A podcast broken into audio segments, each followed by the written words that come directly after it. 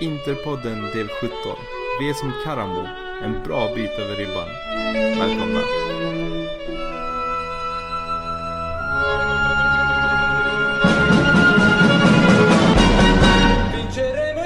Hej och välkomna till Interpodden del 17. Eh, vi spelar in den på natten så vi försöker hålla våra röster nere för att inte folk ska vakna och så vidare.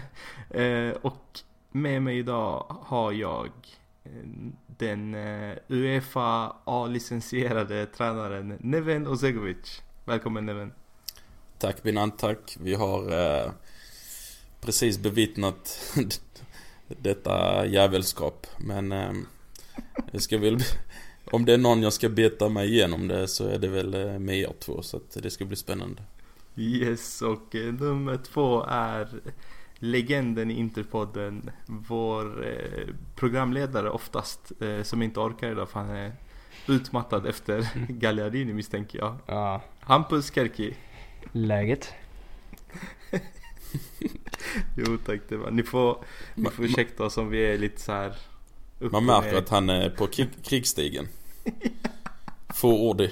Ja. Eh, vi, vi har ganska mycket att ta oss igenom idag. Eh, vi har matchen mot Juventus, vi har den här, jag vet inte vad jag ska kalla den, fotbollsmatchen mellan två lag på olika nivåer. Eh, där vi kändes som, ja, vi, vi, vi kommer gå igenom det och sen så har vi den kommande matchen mot Udinese. Jag tänker att vi pausar på Denone-matchen eh, och nerverna och försöker lägga det som precis har varit. Och försöker faktiskt ta oss tillbaka till eh, helgen och eh, matchen mot Juventus. Eh, om vi börjar med din syn på matchen även eftersom att du liksom är mer inne på det taktiska och vi gör ju en taktisk match. Mm, ehm, alltså Visst finns det mer och övrigt att önska att vi kunde skapat mer men ehm, jag menar Juve har ju inte gjort, eh, vad är det, 44 matcher i rad och de gjort ett mål på sina motståndare och vi täpper till så att någonstans så får det ju vara positivt. Det, det Spalletti behöver titta på är ju vad som händer när eh, motståndarna stänger av våra kanter så som de gjorde med Perisic och, och Kandreva. Eh, de, de fick ägna sig mycket åt försvarsarbete vilket gör att de trycks ner långt ner i banan och då, då är det svårt för dem att vara kreativa framåt. Så att eh, han måste ha en plan för det när det kommer till de stora matcherna och eh, Allegri var ju lite vassare i det. Eh, så att eh, Ja, han har lite att fundera på men samtidigt en pinne borta det är ju Det är ju som det är och det, det är ju positivt. Ja, Men- framförallt att gå, Mm. att gå ut från liksom, för, alltså, från, först från Roma med en vinst, från Napoli med ett kryss och från Juve med ett kryss och fortfarande vara obesegrad i ligan. Det är ju, det bådar ju mycket gott. Men eh, jag, kommer att tänka på det här nu, eh, inte alls förberett så men om man tänker på det som så här. Eh, ja, vi spelade mot Juventus i lördags och eh, nu mot Pordenone och det är två helt olika matchbilder. Eller vi är två helt olika lag. Eh, både spelarmässigt men även på plan. Alltså mot Juventus så var vi väl Pordenone någonstans. Om man kollar sett till matchbilden. Eh, och idag var det vi som skulle vara nu får jag aldrig säga vara Juventus, det är inte så jag menar men det, Vad ska man säga? Den som ska vinna och den som förväntas vinna. Eh, och eh, ingen av de två matcherna gör vi särskilt eh, smart, eller? Alltså ur, ur taktisk synvinkel, om man säger så här, det är klart att en poäng borta mot Juventus är väldigt, väldigt bra. Eh, men eh, vi hade väl mer tur än något annat, eller? Vad säger du Hampus? Ja, ja, jag håller väl inte riktigt med dig kan jag väl inte påstå. Men för jag tycker framförallt att första, första 20-25 så tar vi fan matchen till dem. Att vi startade matchen väldigt bra och alltså jag skulle väl säga att vi var mer som, som Cagliari var i matchen mot oss. I bemärkelsen Mm. att vi gick ut ganska hårt i början, försökte trycka på, försökte få in det här tidiga målet för att sen kunna backa hem, göra lite som som Cagliari gjorde mot oss, som Juve försökte, som Juve försökte göra mot Napoli och, liksom, och senare lyckades med det också. Um, så, så att dra liknelsen att liksom vi var Pordenone i situationen, det, det, tycker jag verkligen inte. För på samma sätt som, som Juve stängde ner oss och, liksom, och vad heter det, tvingade oss att spela mycket i mitten och så vidare. Så, och helt isolerade Icardi så lyckades vi på samma sätt helt isolera Higuain också. Han hade inget att göra den matchen. Mm. Neven, har du något att tillägga där? Jag är väl inne på Hampus linje att eh, Det är klart, det är Juventus på bortaplan så att eh, det är inget, det är inget att, att säga om. Eh, jag tycker att där är vissa grejer i vårt spel, all eloge att vi verkligen försöker spela oss ur varje situation och Handanovic, vilken utveckling han har haft på fötterna. Alltså det, man kan vända spelet till honom i varje läge och han är lugn när han ska spela in den i trånga utrymmen också. Och, uh, men vi har ju lägen faktiskt att spela en lite längre boll då och då. Och eh, Dambrosio hade ju ett jätteläge där i början till Kandreva och sen rann den iväg lite. Men vi har ju faktiskt lägen i Alltså att hitta fler sådana bollar. Speciellt när motståndarnas ytterbackar ligger högt. Men ja, likt förbannat ska vi försöka spela oss ur och det är väl... Ja, eh, det är eloge för det såklart men vi ska nog kunna försöka liksom, ja, hitta den lite längre bollen också för att kunna variera oss lite i vårt spel. Mm. För jag kan känna att, att sett till hela matchen. För vi hade vissa perioder i matchen där vi verkligen eh, spelade vårt spel och eh, då tyckte jag att alltså, passningsspelet och kombinationerna funkade väldigt bra. Eh, men sen så blev det det var ju vissa spelare som jag tycker eh, verkligen syntes att de inte vågade. Alltså de, det enda de tänkte på att vi möter Juventus borta kändes som. Eh, är det, kan ni nämna dem som jag tänker på eller är det bara jag som har sett det eller tyckt så? Ja, alltså. Vi fick ju inte ut överdrivet mycket av Kandreva kan man inte beskylla honom för. Mm. Brozovic Alltså jag tycker ändå att Brozovic försökte men Brozovic hade ju en, alltså en riktig, alltså det var en, en dålig match.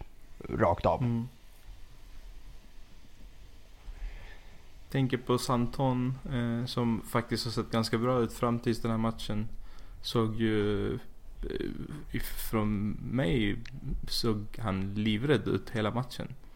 Ja fast på eh, något liksom sätt får man väl ändå liksom, vad heter det? respektera de två matcherna som han har sett helt okej okay ut i har varit då mot, eh, mot klart svagare motstånd. Och nu hade han en, en Quadrado som faktiskt, liksom, som faktiskt var en av de bättre spelarna för Juve i den matchen. Mm. Att liksom, han, hade, liksom, han hade full jour i att hålla koll på vad Quadrado höll på med. Så mm. att han inte liksom blir framträdande och blir en, blir en spelare som liksom gör avtryck, det, det kan jag respektera. Liksom. Ja, alltså absolut. Visst kan man respektera det och det är liksom inget illa mot Santon i sig. Utan det, jag menar mer att om vi säger så här, vi har hyllat Spalletti mycket för det mentala. Eh, och det kändes som att eh, jag tyckte i alla fall att det kändes som att han inte hade förberett dem riktigt mentalt. Eh, för att de flesta underpresterade.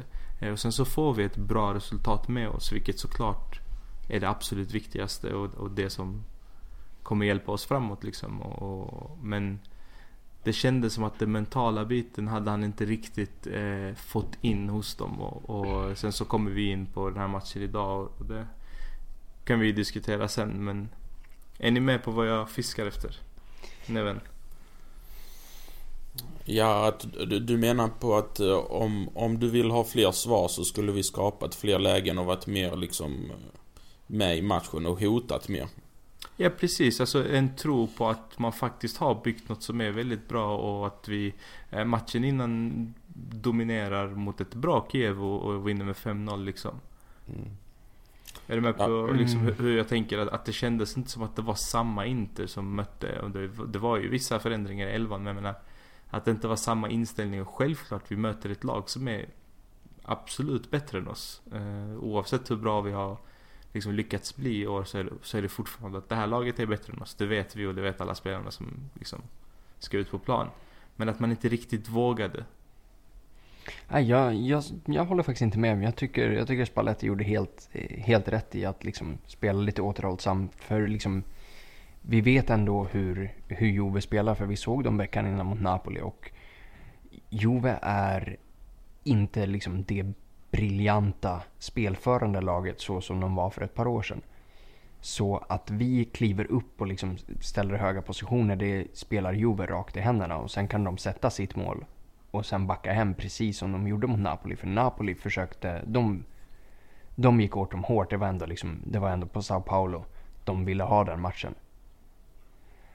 Och det straffade dem. Så jag tycker, jag håller inte med. Jag skulle säga att Spalletti gör en helt korrekt bedömning i att spela lite återhållsamt och hellre, hellre ta den poängen än att försöka trycka hårdare framåt och riskera att förlora den. Mm. Det, fe- det kanske kan ses som lite fegt men det är också pragmatiskt. För på det sättet så håller vi dem bakom oss. Och det är väl det som i slutändan kan göra att vi vinner tit titeln med, tänker jag. Att uh, var lite pragmatiska. Var ja men en poäng borta det är hur, hur coolt som helst liksom. Och då har man ju avverkat de här st större lagen på bortaplan. Har vi hemmaplan att se fram emot och då kan du ju matchbilden se på ett helt annat sätt. Då kanske vi är förande laget som ska liksom gå därifrån med segern. Mm. Ja, och framförallt liksom i de kommande hemmamötena. De ligger ändå... De ligger ändå... Det är ändå en bra bit fram innan de är. Så om tabelläget skulle se ut på liknande sätt, att vi faktiskt ligger före både Napoli och Juve, då kommer de komma till de matcherna med kniven mot strupen. Och då tvingas mm. vara det laget som tar de här stegen upp och kanske bjuder oss på de ytorna som vi behöver. Ja det får man ju absolut hoppas på för att uh, det är ju så här, vi har ju spelat de svåraste matcherna nu. Det är liksom och plockat poäng i dem så att det, det är ju det man får uh, ta med sig men jag tänker bara på det. Så att vi inte kommer in i någon eh, eh Ja men någon typ av eh, rädsla för att man blev, om man säger så här, vi förlorade inte matchen men om man kollar på statistiken i matchen och hur det såg ut så, så förlorade vi ju, vad ska man säga, spelmässigt matchen.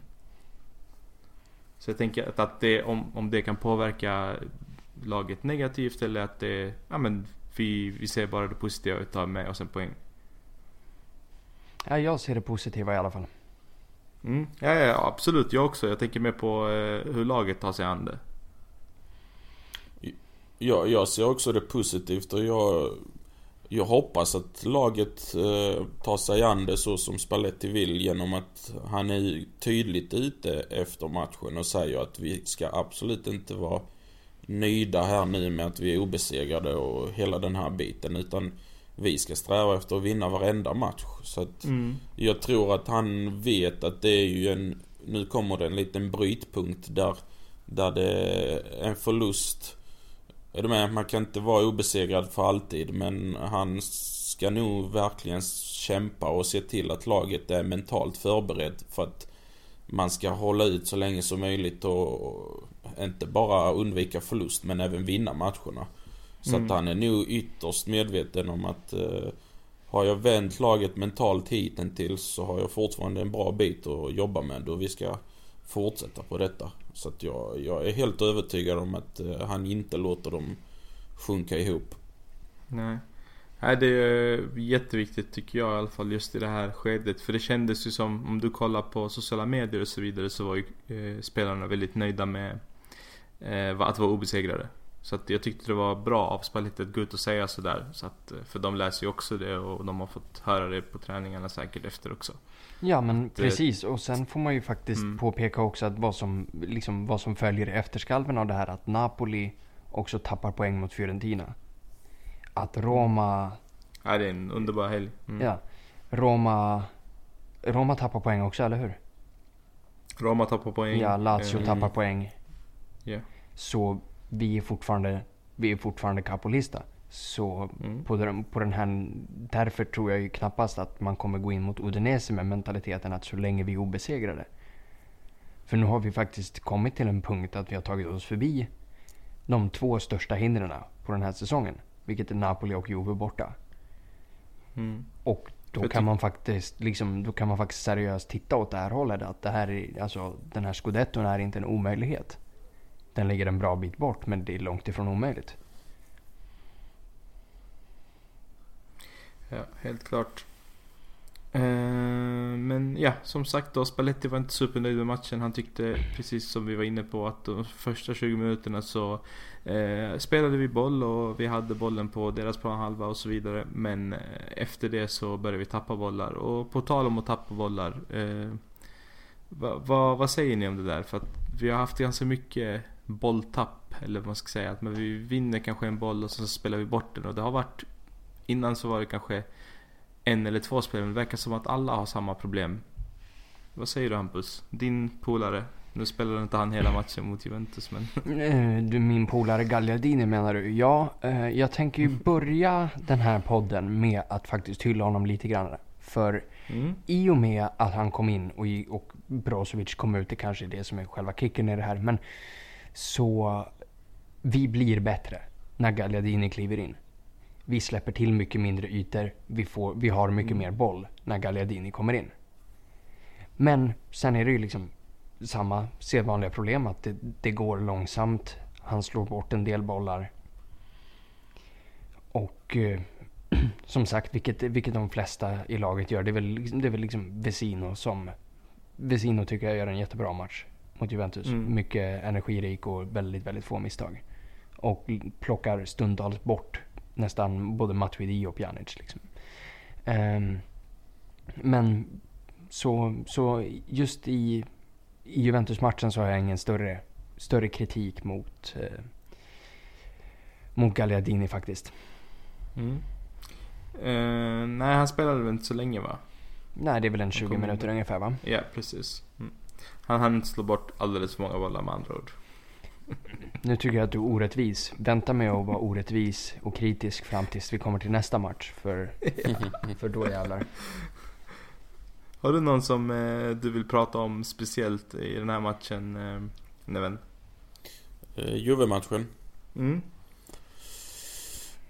Mm, Jag tycker att uh, Borja hade förväntat mig lite mer av honom. Uh, alltså med sin erfarenhet och med sin briljans tycker jag att han kunde liksom på ett annat sätt försökt eh, öppna upp ytor genom att röra sig mer. Han var väldigt statisk. Samtidigt så fick vi ju försvara oss rätt så mycket så han var ju tvungen att täcka eh, i sin zon och försvara i sin zon och när vi väl fick boll så var vi lite baktunga som lag så han hade ingen utrymme att spela på men jag är ändå lite besviken på honom. Jag tycker att han kunde ehm, ja, jag trodde han skulle sätta större avtryck på denna matchen.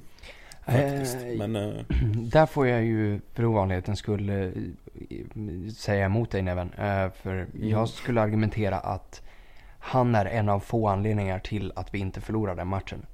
För han gör så mycket viktigt för oss i, i just tempospelet att varje gång han får bollen så ger det oss möjligheten att strukturera om oss, att liksom hitta lite lugn, att liksom vara bekväma med att faktiskt vara på Juventus Stadium och spela. Så jag tror att en avsaknad av honom i den matchen hade betytt en förlust. Ja, jag hade, jag hade velat se ännu mer av det. Alltså... Jag hade velat ha honom liksom ännu mer, vad ska man säga? Ja men överträffa... Nu är ju Pjanic en extraordinär spelare, det ska vi inte liksom säga något om. Och att han blir utbytt är ju för mig bara att ta- tacka och ta emot. Men jag hade ändå velat ha liksom den man-man duellen att Borja är lite närmare än vad, vad Pjanic var. Jag tyckte Pjanic var ju ändå mittfältsgiganten i den matchen men Ja, absolut. eh, jag, jag, jag köper det du säger att det är ju, hade vi haft någon annan där så hade det ju nog inte varit lika bra så att Visst har du en poäng i det du säger men ehm, Jag vet inte, kanske är det åldern också att han, att han bör, ja, att åldern börjar ta ut sin rätt liksom. Att han har ju sett det bästa från honom. Men det, det, den som lever ser. Ehm, vi har ju många matcher kvar och många stora matcher kvar att spela så han, han höjer väl sig säkert. Ja, och framförallt Men- så måste du ligga lite i, i en viss del av det här måste också ligga i att Juventus är ett otroligt bra lag och liksom lag vi har sett honom dominera mot eh, som liksom blir skrämda när han har bollen, som, han kan, som blir stressade när han pressar dem. Alltså Juventus är så pass bra. Så Mm. de ser inte riktigt honom som, som det jättehotet som ett, som ett mindre lag skulle göra. Mm, ja men precis, precis. Men eh, han spelade också på en annan position, eller han har ju spelat den några gånger den här säsongen. Men vad, vad, vad tycker ni? Om vi börjar med Hampus. Är det här han ska spela eller ska han spela som trekvartista? Liksom? Ehm, ehm, det finns ett tvådelat svar på det, för jag har klurat på det en del. Och jag argumenterar ju att ja, det ska han, fast han ska inte det. Eh, Ja, och, vilket bra svar, då går vi ja, vidare. men och låt mig förklara då. Eh, att i en idealisk värld så hade jag jättegärna sett honom på den positionen bredvid Vesino. Men sett till vad vi då har i offensiv väg och då välja på Brozovic och João Mario så blir det, blir det nästan som att man, man får avsäga sig den här idealiska, idylliska världen och flytta upp Valero det steget till den här mer trekvartista rollen för att han tillsammans med Vesino och Gagliardini fungerar mycket bättre än vad han fungerar tillsammans med Vesino och någon annan ovanför. Så han gör så mycket mer nytta än alla i laget på alla positioner. Mm. Så även om jag hade föredragit honom lite djupare ner i banan så vill jag hellre ha honom där uppe.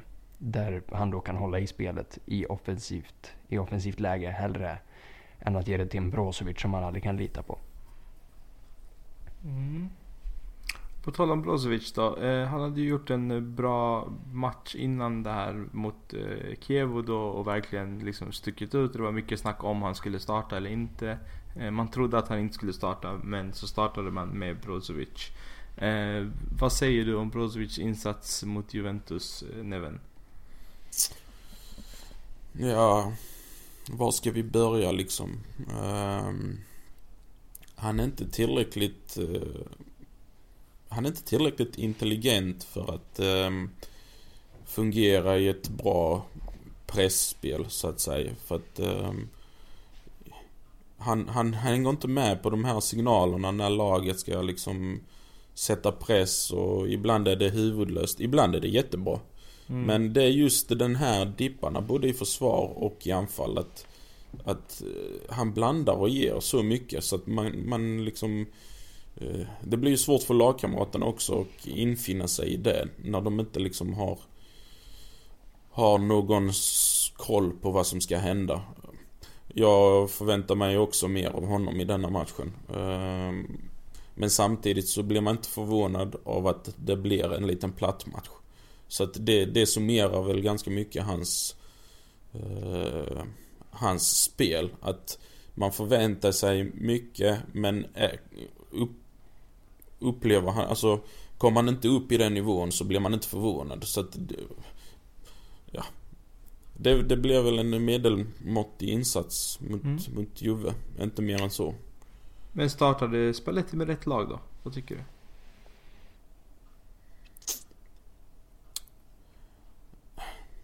Ja. Nej. Gagliardini in. Ehm, Och Valero upp då? Mm. Det, med facit i hand så hade det varit eh, De är mer samspelta eh, Valero och eh, Icardi Och man hade nog kunnat förhindra att, att de får in bollar till Pjanic Det tror jag nog Hade du gjort någon förändring Hampus? Ehm, ja, jag hade gjort samma förändring som, som ni även nämnde där att Gagliardini skulle jag ha startat om Det vill jag... säga gå tillbaka till det som, eh, som vi var så säkra med om man säger. Precis, eh, och sen om jag nu hade om nu Pordenone-matchen hade spelats innan eller snarare om jag hade gått tillbaka i tiden efter att ha sett den så hade jag nog startat Dalbert istället för Santon också. Men jag förstår också... Och Ranocchia istället för Miranda eller vad nej, sa nej, du? nej, nu kyler du ner lite grann. Nej men, men jag förstår ju Spallettis eh, resonemang att man inte, Mm. man inte tar den risken. Liksom. Efter, att, efter att Santon har gjort två stabila matcher så tar man ju inte och chansar mot Quadrado och Juve liksom. Är det bara två han har gjort? Nej, fler väl? Tre kanske. Fan, intressant att veta. Fyra har han spelat från start. Mm, inklusive Juve-matchen då. Eh, ja, precis. Men då var det ju ändå liksom, han startade... Ja, Mm. just det. Och sen inhoppet där mot Sampdoria. Mm. Ja. Men jag, jag, måste säga en sak angående denna matchen. Att det känns som att eh, andra eh, personer som inte följer Serie så mycket är mer imponerade av Inter än vad vi själva Interfans, alltså vi Interfans är. För jag har snackat med lite folk som eh, du vet, de, de sätter igång Serie A när de, de här stora matcherna och nu, nu skulle de ge sig på Juve Inter och de tyckte att Oj vad Serie A har liksom skjutit i höjden och vilket tempo i matcherna, alltså i de här stora matcherna och att mm. matcherna är väldigt bra och välspelade och och det var denna matchen också. Den var väldigt, väldigt... Som match var den riktigt, riktigt bra. Högt tempo, mycket fina grejer och, och så. Och på det sättet kan vi ändå säga att vi har ju höjt oss mycket för att mm. kunna spela en sån match. Eh, det var ett bra tag sedan vi gjorde faktiskt det. Så att eh, om man ska kunna jämföra det på det sättet så, så ska vi ju absolut vara nöjda. Mm. Sen en annan sak vi måste vara nöjda med är ju såklart Handanovic. Eh, alltså Juventus hade 22 skott eller 21 skott den här matchen. Varav 8 gick på mål. Eh, det vill säga Handanovic gjorde 8 räddningar. Så att alltså... Sju Miranda tar ju en på mållinjen också. Eh, ja fast... Eh, ja, konstigt nog så. I statistiken så är det 8 så jag vet inte vad de räknar extra där. Kanske något skott som skulle gå utanför mål, jag vet inte. Men i alla fall. Eh, är han man of the match från Interklubb Svezia podd, eller Interpoddens håll? Ja, det är ju svårt att tjafsa ja. lite va? Mm. Däremot så vill jag ju lyfta, lyfta Miranda där för han har ju fått, eh, han har ju fått mm. en liksom beskärd del av kritik i, i viss mån obefogat om, eh, om någon undrade min åsikt och det är att ni gör det som ni lyssnar. Men, mm. eh, men i den här matchen så tyckte jag att han, han gjorde en briljant insats och det här är väl första gången som, som han har stuckit ut mer än Skriniar under den här säsongen. Mm, jag håller verkligen med och jag tänker så här, eh, jättekonstig tanke men Tror att det kan vara att han tyckte själv att shit Ranocka gjorde en bra match, jag måste kanske visa att jag eh, Alltså Typ att han höjde sig på grund av det. För att han höjde sig verkligen. Det var en helt annan, en helt annan, alltså han var ju taggad på ett helt annat sätt. Och visst, det är en riktigt stor match och sånt går han igång på. Men det såg ändå ut som att det var, han skulle visa sig lite extra. Ja, men det, det är väl ändå liksom, det är väl ändå en hälsosam reaktion alltså för han ja. måste ju också förstå sin, sin plats i laget i kontrast till hur det var förra säsongen. Att förra säsongen så var ju han det enda som fick det där försvaret att lyckas med någonting någonsin. Medan nu är det liksom att om vi ska välja på en av de här två mittbackarna så kommer vi välja Skriniar. Och om det är mm. någon som kommer ersättas under till exempel sommarfönstret eller om någonting ska värvas in. Då är det ju Miranda som kommer få slåss om en plats. Skriniar är självskriven. Och det tror jag att Miranda fattar själv och i sådana fall kanske försöker steppa upp sitt game lite grann för att inte, för att eventuellt inte torska sin plats i sommar. Och visa att han mm. fortfarande håller på den absolut högsta nivån. Vilket jag tycker att han gör. Sen får vi inte glömma att det är VM-år också. Så att han har ju... Han har ju det att spela för också. Han ska in i en startelva i brasilianska landslaget. Även om han har varit självskriven nu de senaste mm. åren så måste man ju ändå spela någonstans för att behålla den platsen. Så att uh, han, han har ju mycket att spela för. Och Miranda har ju mm. faktiskt en... Alltså, det här börjar ju likna Miranda som, liksom, som vi såg under första halvåret med, med Mancini. Liksom. Och eh, man ska ändå komma ihåg att Miranda fyller 33, eller hur? Och har, mm. har väl ändå bara en ligatitel till sitt namn under hela sin karriär. Alltså han ser väl möjligheten att om att nu går det faktiskt bra och om jag, någon, om jag faktiskt ska vinna någonting mer så är det dags nu. Mm. Jag tänker på... Eh, ska vi se här. En fråga till dig Neven. Straff eller inte straff när Benatia tar det med handen i straffområdet? Straff. Uh,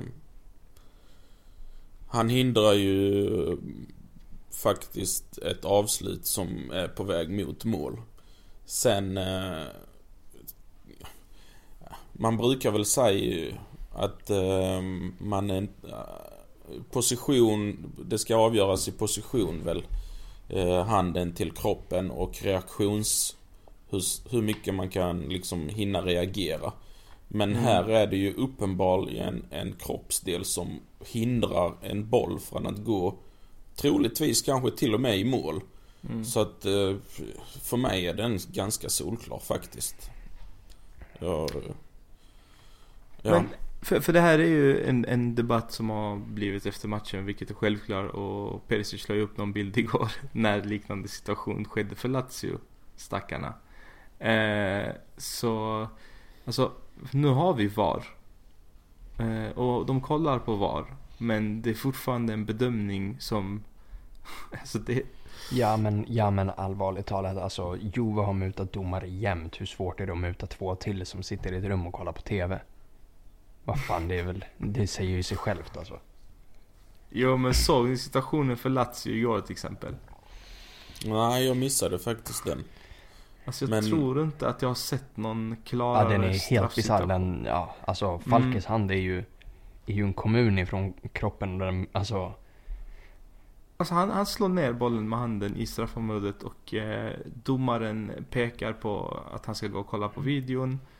Kommer tillbaka och ger rött kort till Immobile. För att i, när han klagar på det här att det skulle varit straff då. Så blir det ett litet tumult och han eh, försöker eh, nicka eh, motspelaren då. Eh, träffar inte så att, ja. Självklart ska han ha ett rött kort där men de får inte straffen. Nej, däremot, alltså den straffen fick mig att tänka på, på 4-2 derbyt där. Det, den straffen vi får när, när eh, Pazzini drämmer en det som, på, drämmer en nick på nästas arm. Det är ju exakt mm. samma situation. Mm. Precis lika uppenbart. Jag, jag fattar liksom inte hur man... Alltså, då fanns ju inte VAR liksom. Eh, nu finns VAR. Han kollar på videon och ändå så, så anser han inte att det är straff. Ja, det är bisarrt. Jag menar, vad händer med den här domaren då? Alltså vad, vad är... För det, alltså man kan ju knappast lita på tekniken om det fortfarande är en idiot som ska ta beslut. Ja, det är ju det. Uh, vad heter det? Vet någon av er vad, hur lång avstängning Immobile fick? Nej, jag tror inte det är färdigt än. Eh, jag var och käkade innan med en eh, kompis som håller på Lazio. Han var väldigt frustrerad. Det var fjärde matchen i rad de blir rånade anser han. Eh, han sa också att, eh, vad heter han, Iglitare. Mm. Hade hotat Deras med sportchef. Ja, hotat med att eh, de inte ska spela några fler matcher i år. Snälla, gör det. Gör det. För ja, jag mm. har fan biljetter till Lazio-matchen där. Alltså, jag, jag, jag kan ta en VO. Det är coolt. hade du gjort det? Helt ärligt? Jag tror fan jag hade, ja, det hade jag. En säsong, som, en säsong som denna när vi står i begrepp att faktiskt liksom göra något, göra något riktigt stort av den här säsongen. Gratis tre pinnar, ja men visst. Fan jag hade inte accepterat Jag hade tyckt det var så tråkigt att, att, eh, att ligan ligger så pass efter Alltså man säger till sådana här saker att, att ett lag ska behöva skita i att spela för att de känner sig så missfördelade. Jag kände med honom idag, jag kände de här tiderna när vi hade allting emot oss och liksom när man verkligen försökte förklara för andra hur det verkligen inte ligger i våra händer. Det är någonting annat som, som är i vägen. Ja, jag, jag förstår det resonemanget och jag hade säkert lidit med, med, med vilket lag som helst som råkade ut för det där. Men nu är det ju Mussolini-kramarna. Men tre poäng är tre poäng. Mussolini-kramarna här också liksom. Det är bara kul om de försvinner. Och såklart så kommer de superkompenseras när de möter oss. Ja, det är ju det... Trenden kommer fortsätta liksom nu. Har vi konspirationsteoretikern liksom, Neven Osegovic. Ja, det är ju, ja, ja, det är just, så, det är ju upplagt för det. Det är ju just därför jag hoppas på att Immobile antingen får komma tillbaks till deras match mot Crotone innan oss eller avstängd matchen mot oss också. Mm. För jag vill ju jag inte ha, jag vill inte ha en, en comeback Immobile som kommer arg som fan och hänger ett hattrick liksom.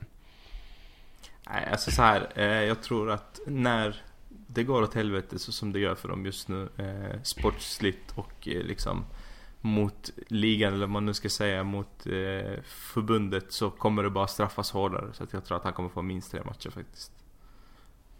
Så att eh, jag tror han missar matchen mot Inter. Låt oss hoppas. Eh, Ja, eh, har vi någonting mer som, som ni känner att vi inte har pratat om gällande Juventus-matchen? Ja, Eller ska jag bara... har en grej. Ja. Eh, Mm. och det är en liten, liten symbolisk man of the match skulle jag vilja ge till Spalletti för hans utskällning av Chiellini i halvtid. Så tung. Så jävla smart gjort. Så rätt. Mm. Ja, eh, för er som missade det så eh, skällde han ut honom för att han hade klagat på någon situation va? Ja, han försöker ju, han, han lägger sig mot Ambrosio och försöker, sig, ja. försöker få Ambrosio kortad och, och sådär. Mm. Uff, vi har inte ens pratat om D'Ambrosio. Jag tyckte han sög, alltså... Ja, jag vill inte Nej. säga ordet, men han sög väldigt mycket. Nej, alltså för mig var han återigen visade att han absolut inte håller i Inter. Vad, vad var det du tyckte han Men- gjorde så, så fruktansvärt i den matchen? Alltså, visst han förlorar, han förlorar, någon, han förlorar en nickduell mot, mot Mandzukic där som kan bli ju en av deras farligaste chanser. Ja. Men, Han vinner också en nickduell mot Mandzukic som precis. räddar oss. Men, men det, det är liksom det jag kommer ihåg som var positivt. Resten av det han gjorde tyckte jag var... Ja, men, alltså jag tyckte inte ens han visste var han skulle vara någonstans. Utan han... Eh, alltså jag skyller Kandrevas dåliga match på D'Ambrosi till stor del. alltså, Eh, För att som, som jag har tagit upp tidigare så tycker jag att Kandreva får ta alldeles, mycket av, alldeles för mycket av det defensiva ansvaret. De senaste matcherna när eh, D'Ambrosio har verkat ha tappat formen eller eh, bytt ut sig själv mot sin tvillingbror eller vad det nu kan vara. Men alltså får du, i den här får du betalt av Kandreva för att säga de här grejerna eller? Alltså, nej, Kandreva är fucking legend. Det är vad han är. Hade vi haft Kandreva idag så hade vi inte ens diskuterat Pullenone. ja nej som sagt jag tycker, jag, tycker, jag, tycker, jag tycker kritiken av D'Ambrosio i den matchen är, är, rätt, är rätt obefogad faktiskt. Alltså det är inget av Joves spel kom från, från hans sida. Allting kommer från, från Santons kant. Alltså, Okej, och var var Mandzukic någonstans? På vem sida var han? precis, men det är ju för att hela spelet byggs från andra kanten och slår oss crossbollar över till den sidan. Och vem, vems, vems rensning är det som, som gäller då? Är det inte Dambrot som ska kolla på Mandzukic då? Absolut, men att, att, en, men att, en, ytter, att en ytterback förlorar mot en stor forward, sånt händer. Där behöver Skriniar hjälpa till. Absolut, men han försöker ju. Skriniar, alltså om någon var ju bra Skriniar på var att försöka absolut hjälpa bra. till. Men det är det jag menar alltså. Alltså Dambrosio, vi kunde lika gärna tagit ut honom. Mandzukic kunde varit där själv. Alltså han gjorde ju ingenting som, defensivt bra. Du hatar bara D'Ambrosio för att han är snygg. Nej. Du vet att jag gillar snygga fotbollsspelare. Jag gillar ju Giroud. Det är ingen annan i världen som gillar honom. Nej, det är också fruktansvärt sant. Nej, men någonting mer att tillägga? Nej, ni sköter detta utmärkt tycker jag. Men du, du håller med mig om Dambrosio, eller hur?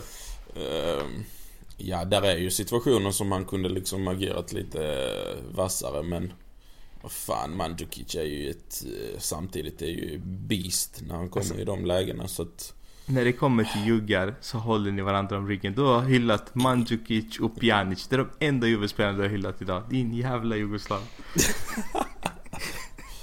Ja men det, det var rätt roligt. Jag, satt och smsade med... Det enda du saknade var att. Pjacka skulle gå in va? Ja men precis. Fan, men det var... Eh, hon satt och kollade matchen hemma hos sig och jag... Och så smsade vi lite så sa jag... Ja men märker du hur många juggar det är på plan? Lite så stolt. Så, så, så, så svarade hon, ja kommentatorn, det är, det är mycket itch hela tiden. Jag var ju liksom tvungen att lägga in den. Ja, jag förstår det. Säg att det har varit värre förr. Eh, Eller bättre, beroende på hur man ser det. Men Alltså bättre när vi såklart. kallade oss själva Interic ett tag. Mm, mm, precis. Vi och gänget. Mm. Eh, vi stänger Juventus-matchen. Vi tar med oss en poäng. Eh, vi är nöjda. Eh, och hoppar direkt in på dagens Får jag, får jag, fantastiska får jag bara match. avbryta med en sista liten grej där? Absolut Hampus. Ehm, det var någon som snackade om att vi skulle bli skickade tillbaks till några kloaker och sådär. Um, jag vet det är ganska Kan du torrt. inte säga vem? Det är ganska torrt här omkring så till, eh, vad heter han, Pelle vill jag ju bara skicka ett stort och hjärtligt och passionerat fuck you. Nu kan vi gå vidare. Vem är Pelé då? Ha? Vem då? Det är Juventus kommunikationschef som sa att han ville skicka oss tillbaks till kloakerna och det. grusa våra ja. drömmar och allt vad det var. Jaha, okej. Nej, för fan. Det där har vi redan glömt. Vem bryr sig om den där jävla pissluffaren? Mm. Okej, vi hoppar in på Pordenone. Eh, vi mötte idag ett lag som heter Pordenone.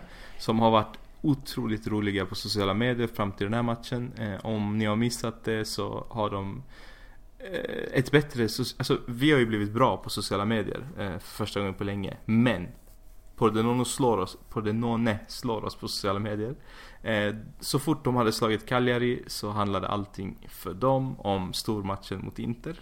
Eh, man gjorde posters där man skrev att eh, Ja, man slog ihop våra titlar med deras. Eh, jag tror de hade en Serie D-titel, det är det enda de har. Resten var ju våra titlar då. Eh, så 18 Serie A-titlar, eh, 3 Champions League. Eh, allt vad det nu var, Coppa Italia. Jag vet inte hur många hade vi? 7, 11? Ingen aning. Ehm, och så satte man ihop det och så skrev man i stort i mitten Majstati in B. Ingen, ingen av oss två har någonsin spelat i B. Eh, vi har aldrig åkt ner, de har aldrig åkt upp. Eh, så, så det började så, och sen så eh, efter Juventus-matchen så bombade de på en ny poster. Okej, nu är den här matchen avklarad. Nu till det som verkligen betyder någonting. Inter på på tisdag. Eh, och så har man fortsatt och sen så Champions League-lottningen igår. Eh, de lägger upp grupperna. Och längst ner lägger de Inter på Så att eh, ett gäng som man, eh, man, man, man lärde sig tycka om dem direkt. Skönt gäng liksom. Och sen så gick presidenten ut eh, i Pordenone och berättade att hela hans familj är interistas. Eh, och att de älskar Inter och så vidare. Så att det kändes som att, ja men, ah, äntligen liksom. En, en rolig match. Det kommer bli en familjefest. Är det, är det bara jag som kommer börja följa dem i... alltså- Nej, jag också. Jag också. Vidare här framöver? Ja men de var ju sköna och de hade ett skönt gäng med sig. De hade väl, alltså de hördes ju mer än eh, våra supportrar måste jag säga. Får jag bara koppla snabbt tillbaka till det här du säger, ursäkta, om, Mm. om sociala medier. Och att vi har Mm. blivit bättre på det. Jag måste ju bara liksom göra en liten så här marknadsundersökning här. Men Interbells, är inte det jätte, den jättepinsam? Jag tycker, det, Nej, jag tycker den är, är jag tycker det är själdräpande att se på. Jag tycker den är, alltså helt ärligt nu, jag är helt seriös. Jag tycker det är så magiskt att bjuda på sig själv på det sättet. Jag tycker det är så fiffigt att använda just interbells. eh, För att det kan liksom inte bli sämre. Nej, det är det jag menar. Men alltså, Men det, det är ju att vara bra på sociala medier. jo men alltså de är hade, kunnat, att- de hade kunnat spela in en ny Pazza Inter bara. Nej för fan, de har ju fått spridning över hela världen. Varenda tidning skriver om interbells. Alltså som inte ens, alltså Aftonbladet, sådana sådana som skiter i oss. Nej, det här, är, det här är klass. Vad tycker du Neven? Du gillar interbells? Det kan jag inte påstå att jag gör. Jag, jag, jag tycker den är ganska pinsam faktiskt. Men Alltså ni, ni... Alltså för den, den Nej, är jag gillade- som skit alltså. det enda jag det är det gillade det var ju videon när Spalletti står där och försöker dirigera äh, grabbarna lite så... äh, Nagatomo kör solonummer. Mm. Han passade in i den rollen faktiskt. Inte bara tränare men passade in som en liten sån dirigent på, på scenen. Jag saknade Gabigol i den medion där. Lucky Luciano. Ja, de måste nog göra om den om Gabigol, Ja. eh, alltså i januari. Inter New Men- Year men, med Gabigol. eh, Gabigol, Gabigol. Doesn't make a goal. Ja, precis. Där har vi fan årets julklapp. He's back. Uh, nej men, uh, jag gillar den i alla fall. Uh, jag gillar ju att de lägger upp nya versioner hela tiden, eller nya delar av låten. Och den här senaste, jag vet inte om ni såg den igår eller bara idag kanske. Där Brozovic gör Epic Brozo, alltså minen, och visslar till Interbells. Alltså, hör du på det här själv alltså? Det är ju fruktansvärt. Alltså det är... Alltså det finns ju inget häftigare än när klubben eh, blandar in... Alltså vi är i ett momentum där det går bra. Lägg in de här extra grejerna som motiverar laget, som, som får en, alltså en bättre sammanhållning, som eh, binder fansen. Som, låt oss skämmas lite. Alltså låt, oss, låt dem skratta åt oss och ge oss spridning och liksom... Nej, jag gillar det Däremot, verkligen. däremot så styrker väl den däremot våran tes om att Kandreva är lite efter. För det tar väl honom Det ser- det abnormalt i lång tid att hitta takten. I den jävla låten. Det ser ut så. Det här klippet på han och eh, Valero, när Valero står med maracasen, där ser han ju lite... Jo men grejen Nej, är att alltså, han, han hittar ju, alltså Valero har ju satt en takt med sina maracas liksom och han med sin tamburin fattar den inte riktigt. Och det, det var så... För er som inte vet så gör Hampus även musik. Eh, du kanske kan länka till några av dina låtar på, eh, i Facebookgruppen. Ja det kanske jag kan göra om jag vill sabba någonstans. Mm. Eller så ska du göra en ny version av Interbells. Ja. Ja, alltså kom igen nu för fan. Eh, en annan sak som ni inte vet kanske är att eh, här som vi kör i början av podden, eh, det har Hampus gjort. Mm. Tada! Edi- editerat, jag, jag spelar inte stråkarna eller något sånt där bara för att förtydliga. Men visst borde vi göra en Patsa Inter eller en Det tycker jag definitivt vi ska göra. Alltså alla som har varit med i podden under året får ju liksom, får, vi får ju hooka upp och så får vi spela in en, en egen version alltså, helt klart. Nej men Pax eh, för, hoppar du ut eller? Ja, men jag, jag, jag paxar Lucianos eh, plats. Jag står där och eh, viftar med den här. Vad kallas den här lilla pinnen för, eh, Hampus? Ja, Dirigentpinne eller? ja den heter någonting. Alltså jag är ju inte, jag är inte, jag spelar ju inte klassiskt liksom. Alltså, Nej, men, men i alla fall. Jag, jag, jag hade nog trivts med att stå där och Ja. Dirigera? pilla med den. Där är pillaren. Nu fick jag in det. Ja, faktiskt. Faktiskt. Eh, Okej, vi går till matchen mot Pordenone och eh, så här. Spalletti hade presskonferens igår och säger då... alltså han har inte sagt om någon av de här matcherna att, att, att de ska vara ett riktigt test. Utan han har tagit alla som de kommer och så vidare. Men den här matchen säger han The Pordenone game will be a real test. Eh, och man börjar driva om honom i sociala medier, att han trollar och så vidare. ack så rätt han hade. Och sen så... Ja, alltså... Om vi börjar så här, Neven. Jag vill att du svarar på det här. Eh, Mm startelvan. När du såg den, vad tyckte du spontant och vad tycker du efter? Spontant så kände jag hoppas att eh, några av de här killarna tar chansen. Och jag, jag, jag kände någon entusiasm över att se dem lira. För jag trodde verkligen att de skulle ja, lira ut och ta chansen. Och jag trodde vi skulle asfaltera dem. Med den elvan. Med den elvan så, ja, det ska vara sån pass stor skillnad. Alltså, ta det bara någonstans, alltså, om vi bara tar till exempel, ehm, vad skulle vi kunna säga, MFF mot eh, ett division 1-lag. Mm. Alltså, även om MFF kommer med sina reservbetonade spelare så ska det ju vara den skillnaden att man ska liksom ta vara på chansen och eh, visa upp sig. eh, och liksom visa att den skillnaden är så pass stor. Om jag får Eh, fortsätta. Mm. Mm. eh, ja, och, och, och, och efter matchen så är det ju ganska uppenbart att de är ju inte inspelade. Det är väl det som är kruxet i denna matchen. Mm. Hampus, du vill ha Ja, ja, alltså eh, jag håller ju med det du säger till viss mån, men jag tycker ju definitivt inte att man ser någon större skillnad på de här unga killarna såsom Karamo och Pinamonti mot en äldre pl- 30 plus rutinerad Eder som är så värdelös. Alltså, det här att, att plocka ut Pinamonti i halvtid och behålla Eder, alltså det finns, inget, det finns ingen, ingen korrekt motivation. Alltså, man kan inte motivera det valet. För vad bidrog Eder med? Inte ett dugg.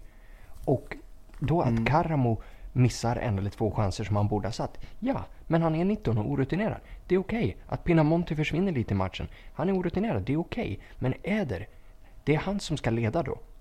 När Icardi inte är på plan. Då är, det, då är det han som ska hålla i anfallet. Det är han som ska styra och ställa. Det är han som ska bidra och se till att vi faktiskt spelar, bara rullar av den här matchen. För han ska vara på den nivån. Men han är inte i närheten av det.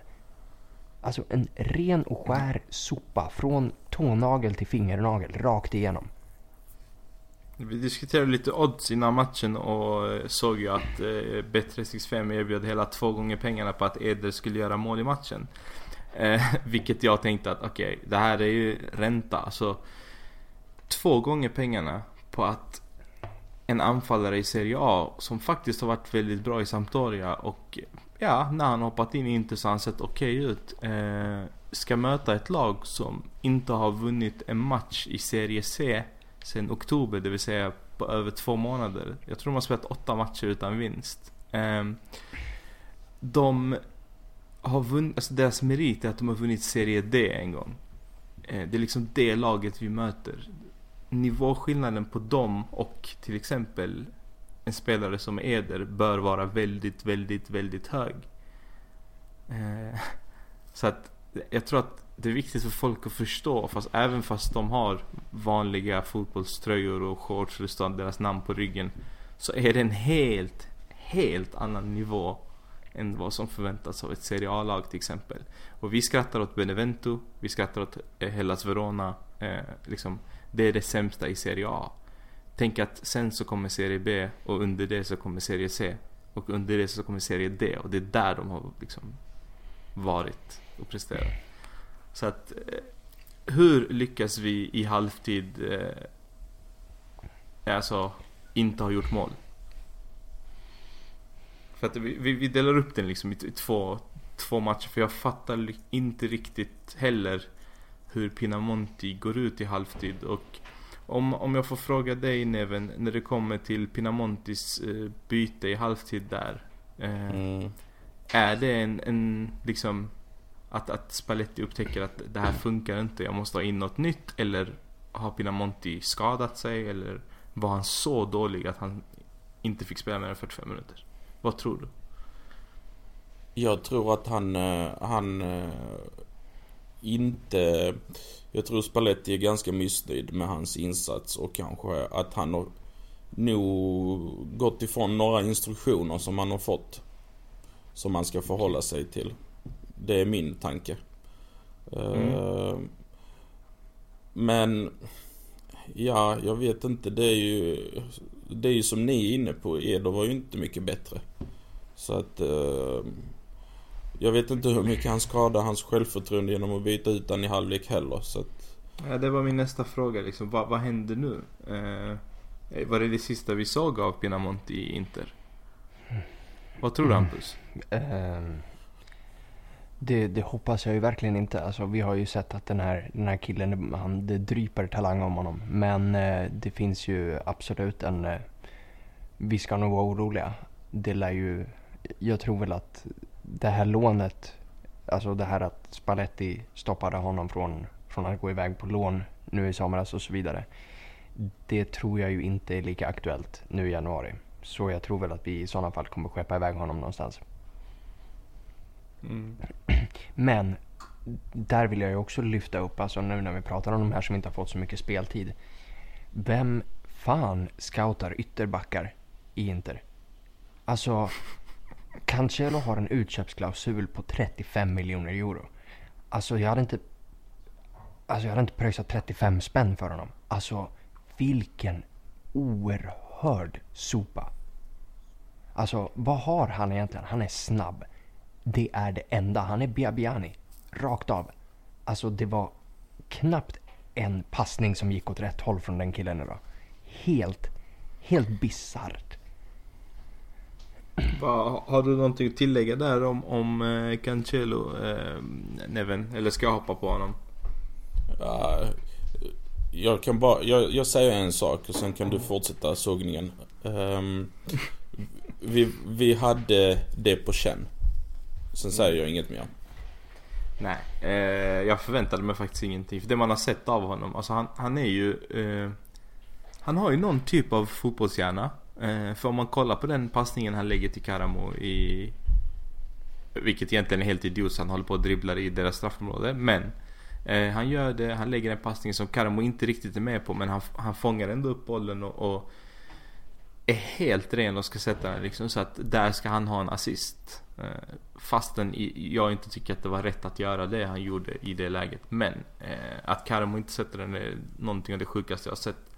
Eh, eller ja, okej, okay. inte så överdrivet. Men det, det, det, gör alla mål på liksom. Eh, speciellt en kille som, som har sett väldigt pigg och fräsch Ja, och just att, att Karamo får gå av när Perisic ska in istället för Cancelo.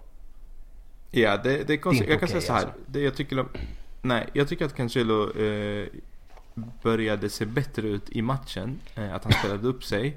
Men, och det här är ett stort, eh, tycker jag, en viktig grej. Eh, han tar inte rätt beslut.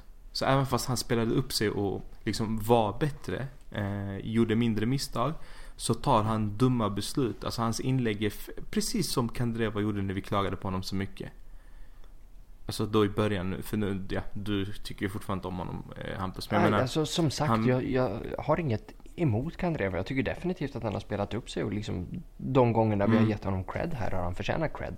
Men eh, när mm. du bara Kandreva är legend och liksom att han är... Nej men jag, jag, jag driver ju. Alltså det är klart att jag överdriver. Han är inte så yeah. Han är en acceptabel spelare. Precis, men jag tänker så här, de felbesluten som Kandreva tog ganska ofta i början, de gör Cancelo fortfarande. Och det är kanske också en, ja, självklart han inte spelat tillräckligt länge med Inter och så vidare och så vidare. Eh, men ja, sett till pristappen, självklart det är ingen spelare som ska vara kvar. Eh, och han skulle inte varit kvar på planen. För, eh, och det här vill jag prata om, om Karamo. Eh, Karamo gör ett par missar, vilket är helt normalt. Eh, sett till hans ålder, sett till hans eh, alltså, erfarenhet i Serie A och så vidare. Eh, men han gör ju hundra bra saker i matchen. Eh, och jag tycker det som är väldigt tydligt också att han blir så missnöjd och så besviken på sig själv så att när de ska komma ut i halvtid där så står ju han i, i spelargången och, och Alltså det syns ju på honom hur dåligt han mår för han har missat de här lägena. Och jag kan tänka mig att det kanske kom någon eh, Jag tror inte spelet var nöjd i paus liksom. Eh, så att han, han kanske har sagt något syrligt som han tog åt sig väldigt hårt. Eh, Pinamonti följde väl inte ens med ut, han syntes inte till. Så att han kanske också, jag vet inte, det kändes nästan som att det hade hänt någonting. Men eh, han står där och mår ganska dåligt. Då går Skriniar fram till honom, liksom sätter huvudet mot honom och peppar igång honom igen och ger honom självförtroende tillbaka. Eh, han kommer ut och gör, puh, alltså i början av andra halvlek så var han ju riktigt, riktigt bra. Ja, och min huvudpoäng, eh, min, hu min huvudpoäng i det här är att det finns väl jag hoppas ju innerligt för att jag inte liksom ska behöva sitta i fängelse för mord och sådana här grejer. Så hoppas jag att det inte finns någon i Inter som överhuvudtaget överväger att dega upp den utköpsklausulen för Cancelo. Vilket då betyder att inom ett par månader så är han tillbaka i Valencia och vi vet aldrig av honom igen. Varför ska han vara kvar på planen istället för spelaren som vi faktiskt äger? Vad säger du eh, Neven? Finns det någon logisk förklaring till det att han går ut? Kanske att han har lite mer bättre defensiva kvaliteter men Samtidigt som han har defensiv ja, kvalitet ja, mot det här dassgänget. Nej men jag, ja, jag kommer till det. Det är ju samtidigt helt otänkbart att man ska, ens ska behöva tänka i de banorna. Så att eh, helt frågandes vid varför inte han tog ut honom istället för Karamo. Så att eh, jag har ingen bra fråga, eller jag har inget bra svar mm. på det. Mm. Okej, okay, och Joao Mario, är han, eh, har han feber eller är, han, eh, är det ett sätt att skydda han att han ska bort? Ja. Visst var det så här att uh, i förra säsongen så var det väl en kuppmatch eller något liknande som var ganska obetydlig som han och var det han? Ja, som han och Gabigol tror jag som dummade sig eller Ja, de taggade väl? Jag minns att... Innan matchen var slut? Ja, jag minns att... Ja, exakt. De tog inte det på allvar. Fan, jag minns inte exakt, men jag minns att situationen var något sånt. Precis, de, de fick eh, böter från mm. klubben mm. sen. Jo, men det var för att de taggade mm. innan. Mm. Alltså, ja. de taggade typ i 80, 80 minuten. Gick de ifrån bänken. Kan han, kan han vara en riktig jävla douchebag? Tänk så, han sagt såhär, nej jag spelar inte den jävla kuppen. Och så ser han så söt och gullig ut liksom. Det, så tror vi att han är världens bästa Det betyder ju skarpt alltså. Som, som Neven säger, det är VM-år. Killen får inte spela överhuvudtaget alltså. Får han spela en träningscupsmatch med flicklaget så ska han nog ta den. jo men tänk så är det någon sån eh, att han, han liksom tror sig mycket, mycket bättre än så. Ja, yeah, ah, ja, det är bara att spekulera. Eh, I alla fall, vi byter in Perisic, vi byter in Brozovic.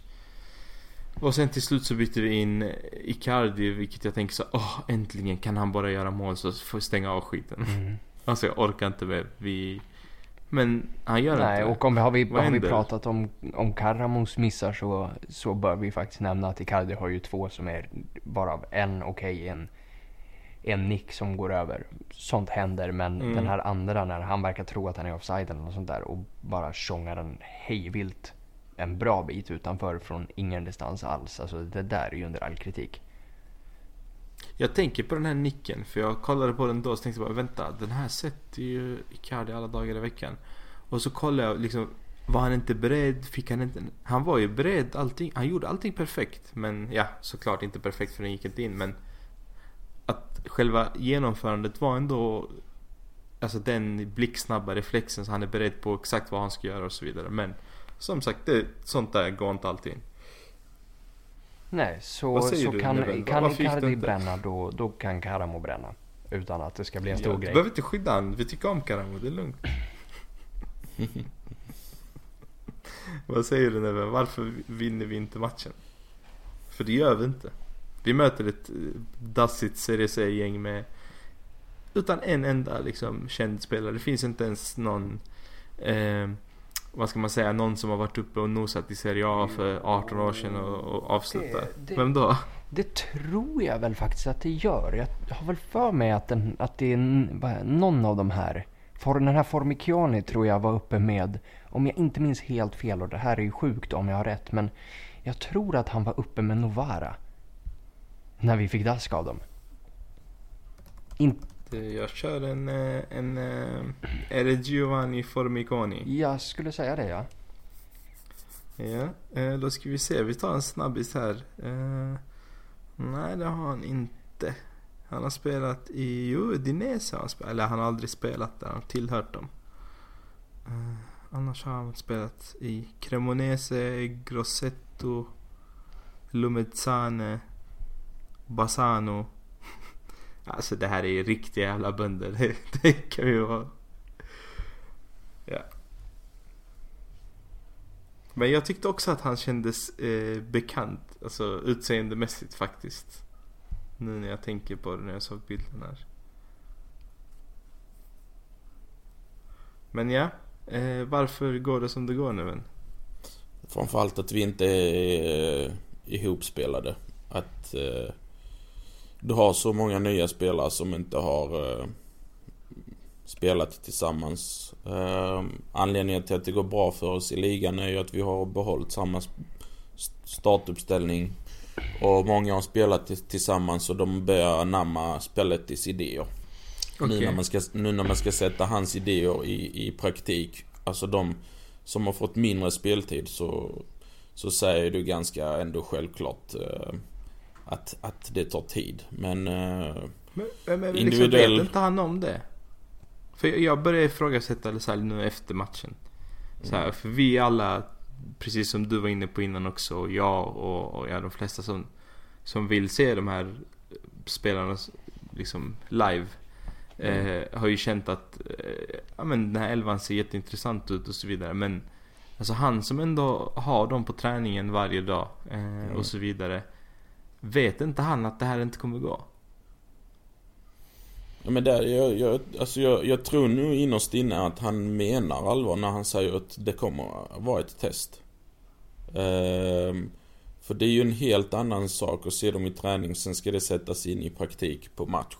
Mm. Ehm, alltså, det tar Jag ju tid. alla de, ja, men Ja, alla de här har vi sett spela liksom, eh, alltså göra inhopp om man säger så.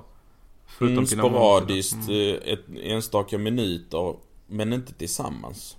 Mm. Så det är klart att det blir en mekanism som inte riktigt funkar när det ska liksom, när det är så många som Det är ju ändå Dalbert som är ny och sen Ranocchi har ju inte spelat på hur länge som helst och sen har du Karamo Cancelo, Eder, Eder har ju inte heller spelat så mycket så att Det blir, det blir för många på På en och samma gång och som tränare i det läget så det, det blir ju en liten gambling. Man sitter där dagen innan och tänker ska jag gambla eller ska jag inte? Antingen måste jag Ska jag köra safe, ja då får jag köra på samma igen. Eller ska jag låta de andra och göra dem lite nöjda och höja lite minuter på dem, ja då får jag ju gambla lite och ja, risken är att det blir så som det var idag. Och vad säger du Hampus? Gjorde han rätt eller gjorde han fel? Eh, ja, det, alltså, jag tycker väl att man ska gamla lite grann. Men jag vill koppla tillbaka till det vi pratade om innan. För jag blandade ihop eh, Formichione mm. med Bertoni. Och han har faktiskt spelat i Serie A. Okej. Okay. Okej. Okay. Han har... Spelar han, ja, Bertoni, vem var det då? Han spelar... For, Jaha, deras okay, forward, deras eh, äldre, yeah. den äldre herren. Han har lirat i bland annat, eh, han har en match i Lazio och sen har han i Catania, Napoli och så vidare. Okej, okay, okej. Okay. Ja, men då hade de en eh, före detta serie. Ja, men det var, då, kanske, men då förklarar ju det hela saken. Det är därför vi inte... Ja, ja absolut.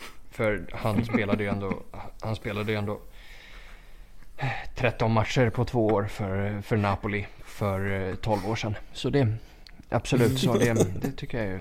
Hur gammal är han?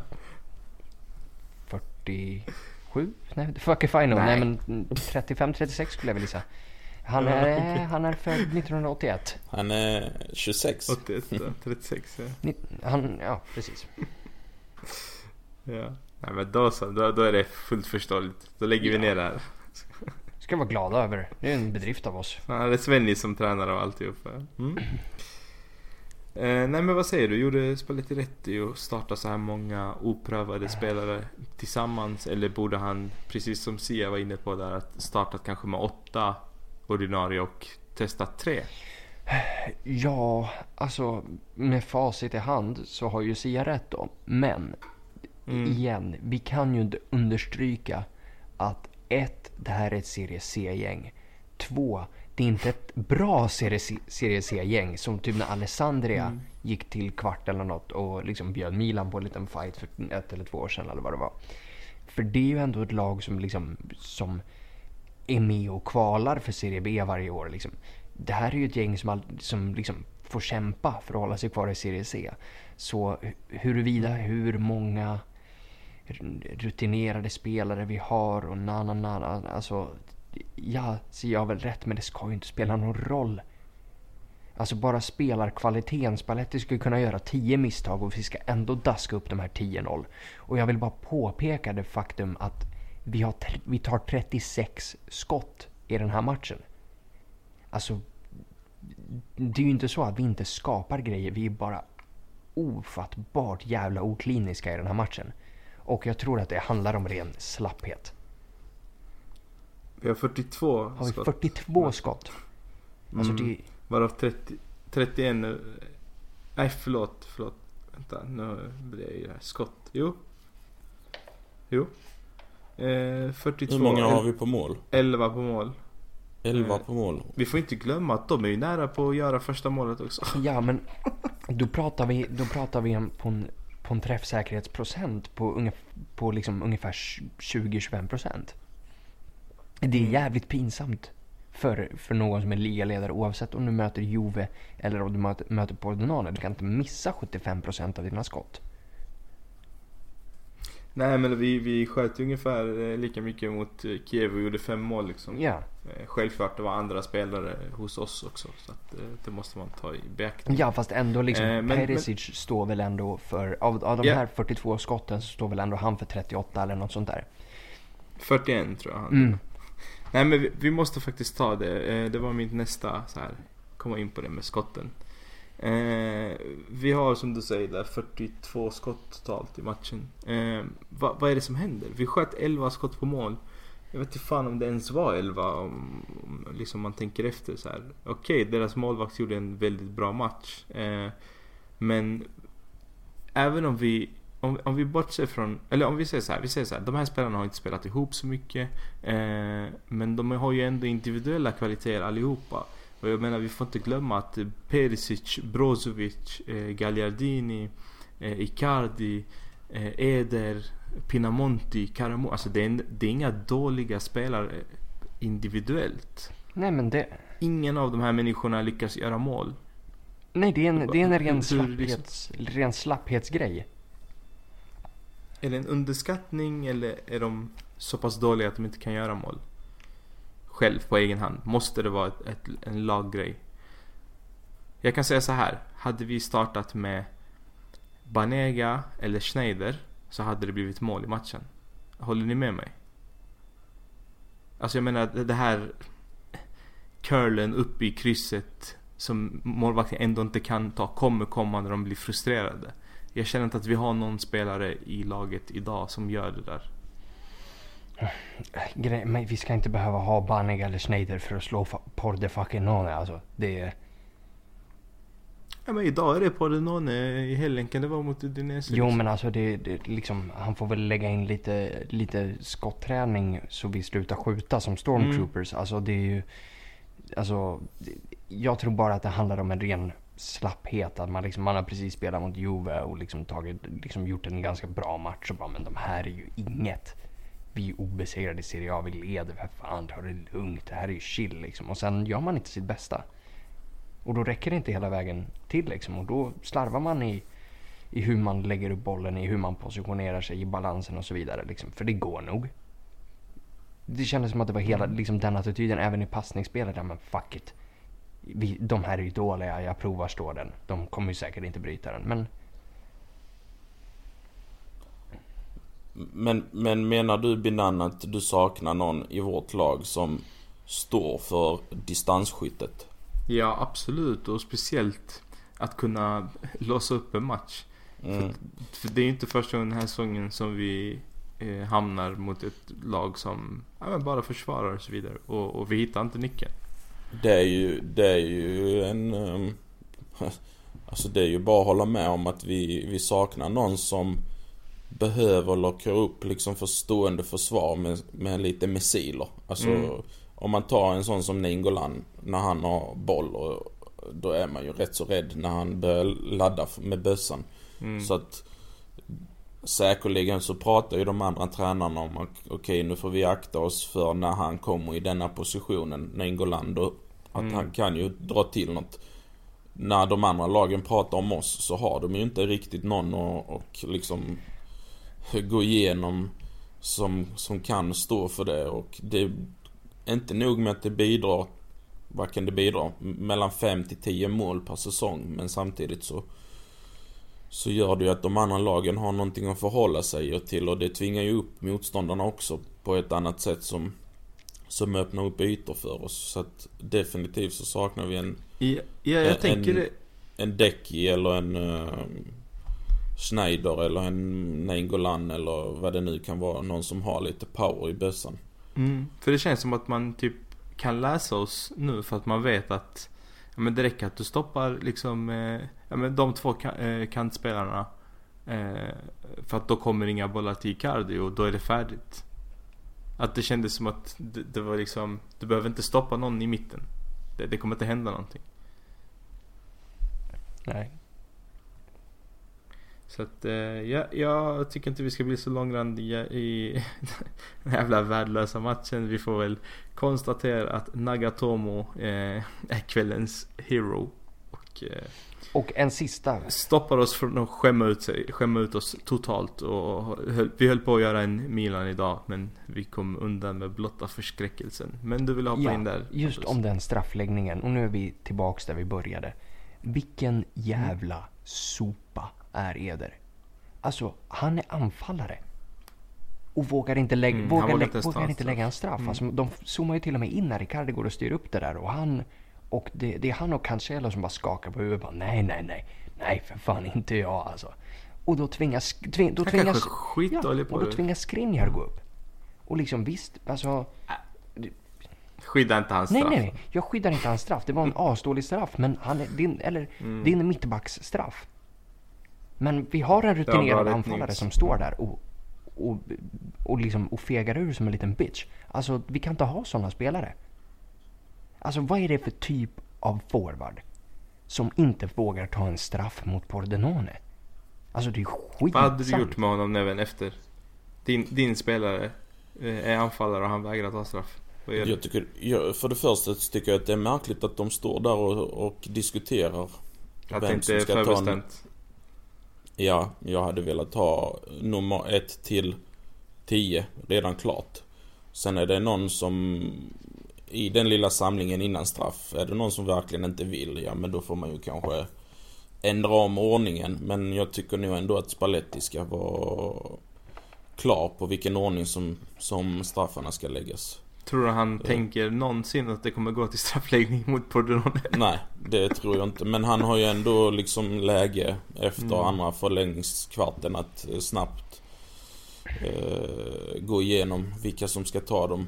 Och, och är det inte någon som är sugen då... Ja, då får man ju ta bort den. Men som Hampus säger att, eh, att en anfallare Alltså det är ju hans jobb. Det är, hans jobb är ju att dunka in den. Liksom fega ur på det sättet. Ja, det säger ju en del om kar- karaktären. och- Sälj. Sälj bort. Ja. Vi får väl ha honom. Eh, Pordenone kan Ja. få honom. ah, ja. Däremot Jag så, tror de inte hade velat ha honom. Men ja. så vet jag inte, men jag vet inte ni följde Icardis, eh, ja, när kameran zoomade in honom under strafförlängningen. Där var liksom sån, alltså det var sån iskallhet i blicken. Mm. Dels över att eh, liksom, man såg på honom, ja men vi fixar detta. Och sen när han själv ska lägga straffen, det är ju ändå liksom... Is. Den är is. Alltså det är ju ändå avgörande. Missar han så och går ju Pordenone vidare och hela den biten. Men det är bara liksom sån enkel... Alltså... Det, det svåraste att utföra är ju att du samtidigt kollar på målvakten som du ska slå till en boll. Det behövs ju koordination för det. Mm. Men, eh, ja, inga problem. Och så, där, där har vi ju skillnad på karaktärer liksom. Och folk, om du frågar dem så kanske de inte tycker om karaktären Icardi. Men ja, Då tycker inte jag om det karaktären får folk. stå för dem. Nej, exakt. Stänger vi den matchen där. Jag, jag vill bara ge en sista så här. Padelli. Fan vilken match han gör va? Jo vars. Alltså, alltså, nej men man får ändå ge det. Alltså, okej, vi möter inte ett lag som kanske är anfaller jättebra. Men det är skottet som de sätter som, det, det är en räddning. Den, den ska in i mål. Jo. Eh, och det är ett oerhört fint nummer av den här eh, Pordenone anfallaren. Som vänder om och ja, slår till den på volley. Jättefin räddning av Padelli. Och så gör han två, tre räddningar som de är svettiga och, och de är extra svettiga för att det är ett sånt här skitmotstånd och att Padelli aldrig brukar stå i mål. Så att jag tycker att han eh, faktiskt eh, gör en väldigt, väldigt bra match. Ja, han är, han är bättre än Så, Carizzo. jag, så jävla skämmigt att vår målvakt gör en bra match mot Podrone, men ja. Vi går vidare från den. Eh, vi har en match i helgen där vi möter... Får, jag- får Ja. jag bara avbryta Benan? Absolut. Är det, eh, vet vi vilka vi får i, det blir kvartsfinal va? Ja, det beror ju på hur det går Eh, mellan Milan och Hellas Verona. Precis. Jaha, så det är vinnaren där som där. vi får? Ja. Okej. Som vi toppen. möter 27 december. Yes, tre dagar innan Lazio. Mhm. Mm. Eh, ja, nästa match vi har eh, som serieledare är Udinese. Eh, och det är en match som vi spelar på hemmaplan, eller hur? Det stämmer. Yes. Jag har biljetter till den. Ja, just det. Så var det. Åh, oh, just det. Ännu bättre. Vet du vad du kommer få göra då? Det... Ja, frysa gissar jag. Ja, nej, det kommer bli Jaså? varmt. Vet du varför? Eh, Interbeltslåten är inte färdiginspelad. Utan man spelar in resten av den mot Udinese. Hela publiken. Herre- Så grattis Hampus.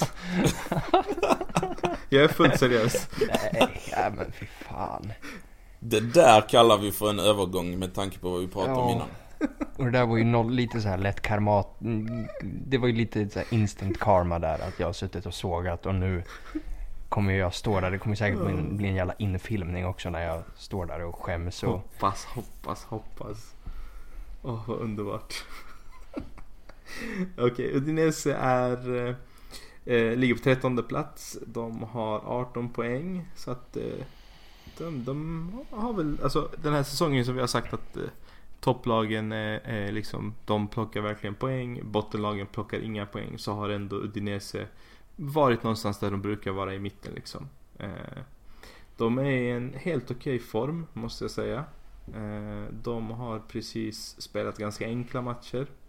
Eh, där de vann mot Benevento i förra omgången med 2-0. Och innan det vann de borta mot, mot Crotone med 3-0. De vann i Coppa Italia mot Perugia. Förlorade eh, senast då 26 november. Eh, och det var på hemmaplan mot Napoli med 1-0. Så att de är ändå att räkna med måste jag säga. Eh, vad, vad tror ni om matchen Hampus? Du som ska dit och se den. Ja, nej men det här. Alltså jag ska ju köra både Udinese och Lazio-matchen där i samma veva. Och det, jag tänker ju inte så mycket på Udinese-matchen. Det är mest Lazio-matchen jag går och oroar mig för. För Udinese hemma tycker jag vi ska... Det ska vi sopa av utan, att, utan några större svårigheter. Alltså jag ser att de har ett, en handfull spelare som jag skulle klassificera som potentiella hot i till exempel, vad heter han? Eh, eh, Jakob Jankto och Seko Fofana. Mm. Deras två mittfältare där som är ganska duktiga. Eh, Mm. En till här som jag tror heter Barak är också helt okej. Resten inget. Obama? Nej. Barak? Ah, okej. Ah, sorry. Det, det är sent nu jag- för jag catchar inte re referenserna. Eh, så nej men hur som helst så Fan Binan, klockan är två på natten. Du kan inte komma med sånt. fucking ordvitsar och skit liksom.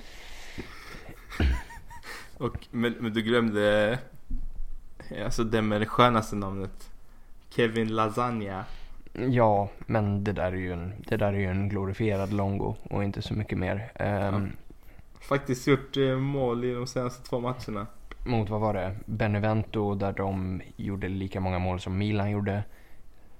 Och, Och Crotone. Ja. Alltså det är ju... Ja, det... Det här, kanske, det här kanske kommer som en nyhet för vissa men vi är snäppet bättre än, vad, än deras två tidigare motståndare. Så um, jag är inte så värst orolig. Det, det är en handfull spelare som på en bra dag kan steppa upp. Men eh, de, de är inte i Han närheten gjorde av oss. faktiskt eh, Han har faktiskt, om jag ska vara helt ärlig, gjort, ska vi se här Fyra mål på de tre senaste matcherna Och en assist Så att eh, han är i form också Men eh, jag tänkte på en annan snubbe som spelar i Udinese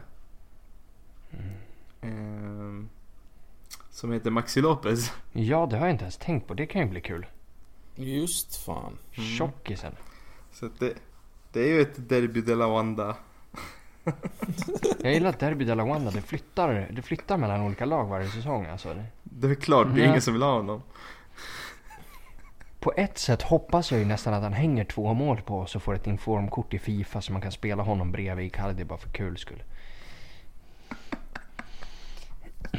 Yes, vad säger du eh, Neven? Vad behöver vi tänka på när vi ska möta Dinese?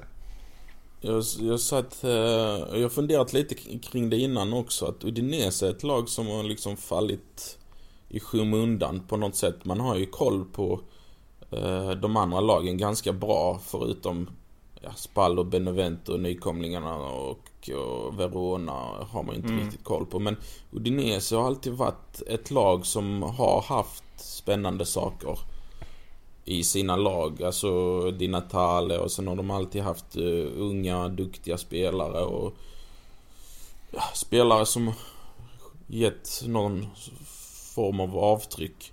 Nu känns de väldigt så här eh, blaha blaha. Man har väl ingen koll på dem och uh, ingen större profil i laget. Och det är väl det man är mest rädd för att man tar segern i förskott och vidskeplig som man är också nu när Hampus säger att detta ska vi bara städa av det. Jag, jag blir jag blir rädd för sånt liksom. Ehm, ja, jag, jag, jag vet inte. Det, jag ska vara lite försiktig och säga att vi ska bara städa av dem. Det, det ska utföras på plan också. Men ehm, just att jag inte har någon koll på dem heller. Uh, gör mig lite orolig. Den här Jakob Jankto som är i form och, och snackas lite om. Visst ryktas han även till oss, eh, Hampus? Ja, fast ganska löst. Så, Mm.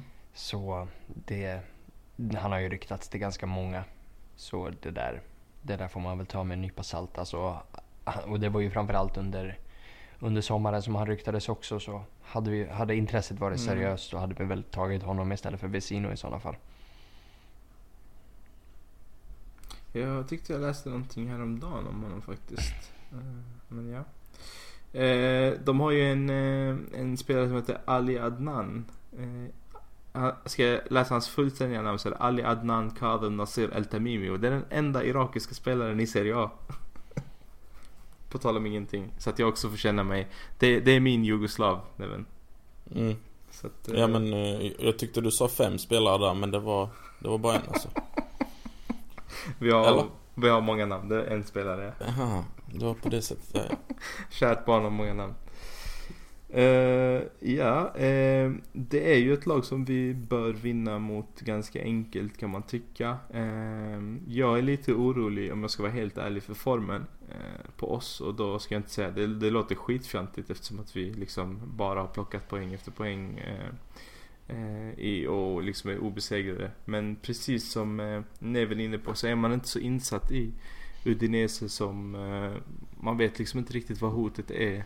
Eh, sen så har det med, ja men det är Maxi Lopez som är en värdelös fotbollsspelare men det kan handla om annat än fotboll just när han spelar. Eh, jag tror ju att vi kommer damma av dem enkelt eh, och skulle tippa resultatet på 3-0. Men det kan också vara den första förlusten på säsongen. Icardi förlorar inte mot Maxi Lopez. Det, det är liksom det jag baserar det på liksom. Mm. Ja, det har han ju inte gjort vad jag kan minnas eh, sen han liksom läm- lämnade Sampdoria men eh, Ja, man vet aldrig. Vad, vad tippar du för resultat? Jag? Mm. Förlåt. Eh, ja, eh, låt oss säga en... eh, En eh, 2-0 kanske? Dubbelmål av Icardi igen. Ja. Och eh, Neven? Ehm, 2-1 tror jag till oss. Mm. Eh, också dubbelmål av eh, Icardi. Och sen gör väl eh, Maxi Lopez ett då. Fyran? Han pekar mot Vanda samtidigt som han... Klappar sig på magen. Mm, Vill du göra några förändringar i startelvan? Ja, alltså jämfört med idag. Nej, eh, såklart jämfört med mot Juventus. Ehm, ja, jag hade nog tagit ut Brozovic. Sen hade jag nog behållit det så som det var. Mm. Och eh, Hampus? Eh, Ja, jag hade gjort samma sak. Yeah. Jag tippar på 3-0. Eh, jag tror att Icardi gör 2 och jag tror att Miranda hänger ett mål faktiskt. Eh, och eh, startelvan skulle jag säga att jag- jag är nästan lite anti det för att jag är, tycker det är roligt att se annat och så vidare. Men eh, jag håller med er faktiskt. Vi ska gå tillbaka till det som fungerade bäst. Eh, vi kan eh, faktiskt eh, hoppa in på lyssnarfrågorna nu eftersom att vi börjar dra ut på tiden här. Eh, vi tar några snabba och sen så säger vi faktiskt godnatt. Så fort Albert kom in så slutade de farliga inläggen komma och det kändes mer stabilt i försvaret. Men han har inte den fysiken som Santon, så vem tycker du ska starta? Och den här frågan kommer från Abbe Interista. Nej, Är det, är det till mig? Ja. Eh, jag tycker att Santon ska starta. Mm. Eh, men han har ju... Dalbert gjorde det bra när han hoppade in och tvingade eh, Quadrado på sin... eh, Alltså han tvingade in honom så han inte kom till de här inläggen. Så det Mm. var ju bra gjort. Men samtidigt så är ju Santon i hyfsad form så att... Jag har en känsla av att han skulle kunna prestera rätt så bra mot Ud- Udinese. Så att det är väl därför jag hade valt honom. Mm. Och vi tar en fråga till från Kuitim här. Varför ska Spalletti byta ut Mauro Icardi så ofta? Enligt mig så ska vår stjärna spela 90 minuter varje match. En chans leder oftast till ett mål. Att Spalletti tog ut Icardi mot Juventus var inte ett drag som ger några pluspoäng. Ingen tränare tidigare i Serie A har bytt ut Icardi så ofta som Spalletti. Har du något svar på det Kuitim? Kuitim? Neven? um... jag tror att det har med att göra, speciellt nu som det såg ut senast mot Juventus, är att man kanske inte tänker på vilket jobb han gör i försvaret. Han gör ett otroligt jobb när han pressar och hela tiden tar de här maxlöpningarna som det krävs. Mm. För att pressa ner en motståndare och låta dem spela längre ner i banan. Alltså, ett så är skaderisken eh, hög. Slutet på matcherna, och springa så kopiöst mycket. Eh, så många maxlöpningar hela tiden, göra det hästjobbet i försvarsspelet. Det tror jag inte är så konstigt att Eder har kunnat komma in och faktiskt göra rätt så bra i slutet på matcherna. Eh, och eh, för att då spara honom. till kommande matcher. Så att det är väl det som, som, som ligger i grund till att han har faktiskt bytts ut i slutet på matcherna. Men om vi leder matchen och liksom kommer vinna så kan väl mm, liksom allt det där vara logiskt. Men om, om, om det står 0-0. Vad signalerar vi då liksom? Ja men har vi, jag vet inte, har vi bytt ut honom någon gång när det har varit tight så? Det har vi inte jag va? kan inte minnas det, nej. Det var första gången mot Juventus tror jag. Ja precis, och då var det ju rätt så, då var vi ju tillbakapressade de sista minuterna där. Och, och för att lägga tryck på, alltså när de spelar bollen mellan mittback och mitt, inom mittfältare. För att någon ska liksom sätta den pressen på dem så var det väl ändå någonstans ett naturligt byte, kan jag tycka. Ehm, Men jag kan inte minnas att vi har haft någon match där det har varit jämnt där han har blivit utbytt. Mm. Med tanke på vilken matchavgörande faktor han är. Eh, vi kan avsluta med en rolig grej här. Eh, vilket yrke hade startelvan haft om de inte vore fotbollsspelare? Eh, frågan kommer från Elvis. Vem, vem ska ta Gabigol? Alla har svaret, men det, vem tar honom? Nej, du, du får äran. Alltså det är ju en clown i halvtidspausen. Solklar. Cirkus. Oh, cirkus Gabigol. Eh, vem kom vi på enkelt då? Vad hade Handanovic varit för Och han ska inte ha lön, han ska ha en bössa som han går runt med. Som folk slänger pengar i. Och Handanovic? Tänker på hur lugn han är och så. Vad skulle han kunna vara? Typ lärare? Eller? Ja. Ja. Eh, Sätta ett Men- par brillor på honom också så. vi tar någon mer här. Vad hade Icardi varit? Jag tror att- Bartender. Bartender? Ja. Eller? Jag tror faktiskt att han har varit gangster. Tror du det? Ja, jag tror fan det. Hängt i fel kretsar liksom och dummat sig. Ja, jag tror han har varit sån sliskig bartender. Da- Dambrosio hade ju varit det garanterat. Ja, eller modell. Ja. Eller har inte han gjort något modell Jo, det gör han inslag någonstans? Ja. Kan, kan det vara? Vad hade han varit? Engelsklärare. Han kan spela tamburin med Milanos filharmoniker. Ja, jag, ja, den är otippad alltså. Han kan ju vara liksom... ja, Och eh, vem ska vi ta med då? Ehm, Nagatomo måste vi ta. Det är yogainstruktör. Det finns inget annat. ja, men vi, vi måste ju... Där är en till som är... Sushi-kock eller yogainstruktör? Ja, vem då? Vem kör vi där? Brozovic. Brozovic. Den är ju också... Vad fan hade man satt honom? Eh, ska vi se. Jag tror att Elvis hade skrivit Brozovic kunde kanske varit en bonde. Jo men det skulle han nog kunna vara. Faktiskt. Fast bonden i byn som liksom raggar på alla familjers döttrar och systrar. Mm. Jävla Ja, Brozovic. men det, ja, ja den, den köper jag. Eller så Jebemti Brozo. Mm, ja precis. Men vad fan heter han? Marcelo? Jebemti Marcelo. Mm. Vad är det för namn ens? Är det liksom juggar som heter Marcelo? Låter brasilianskt.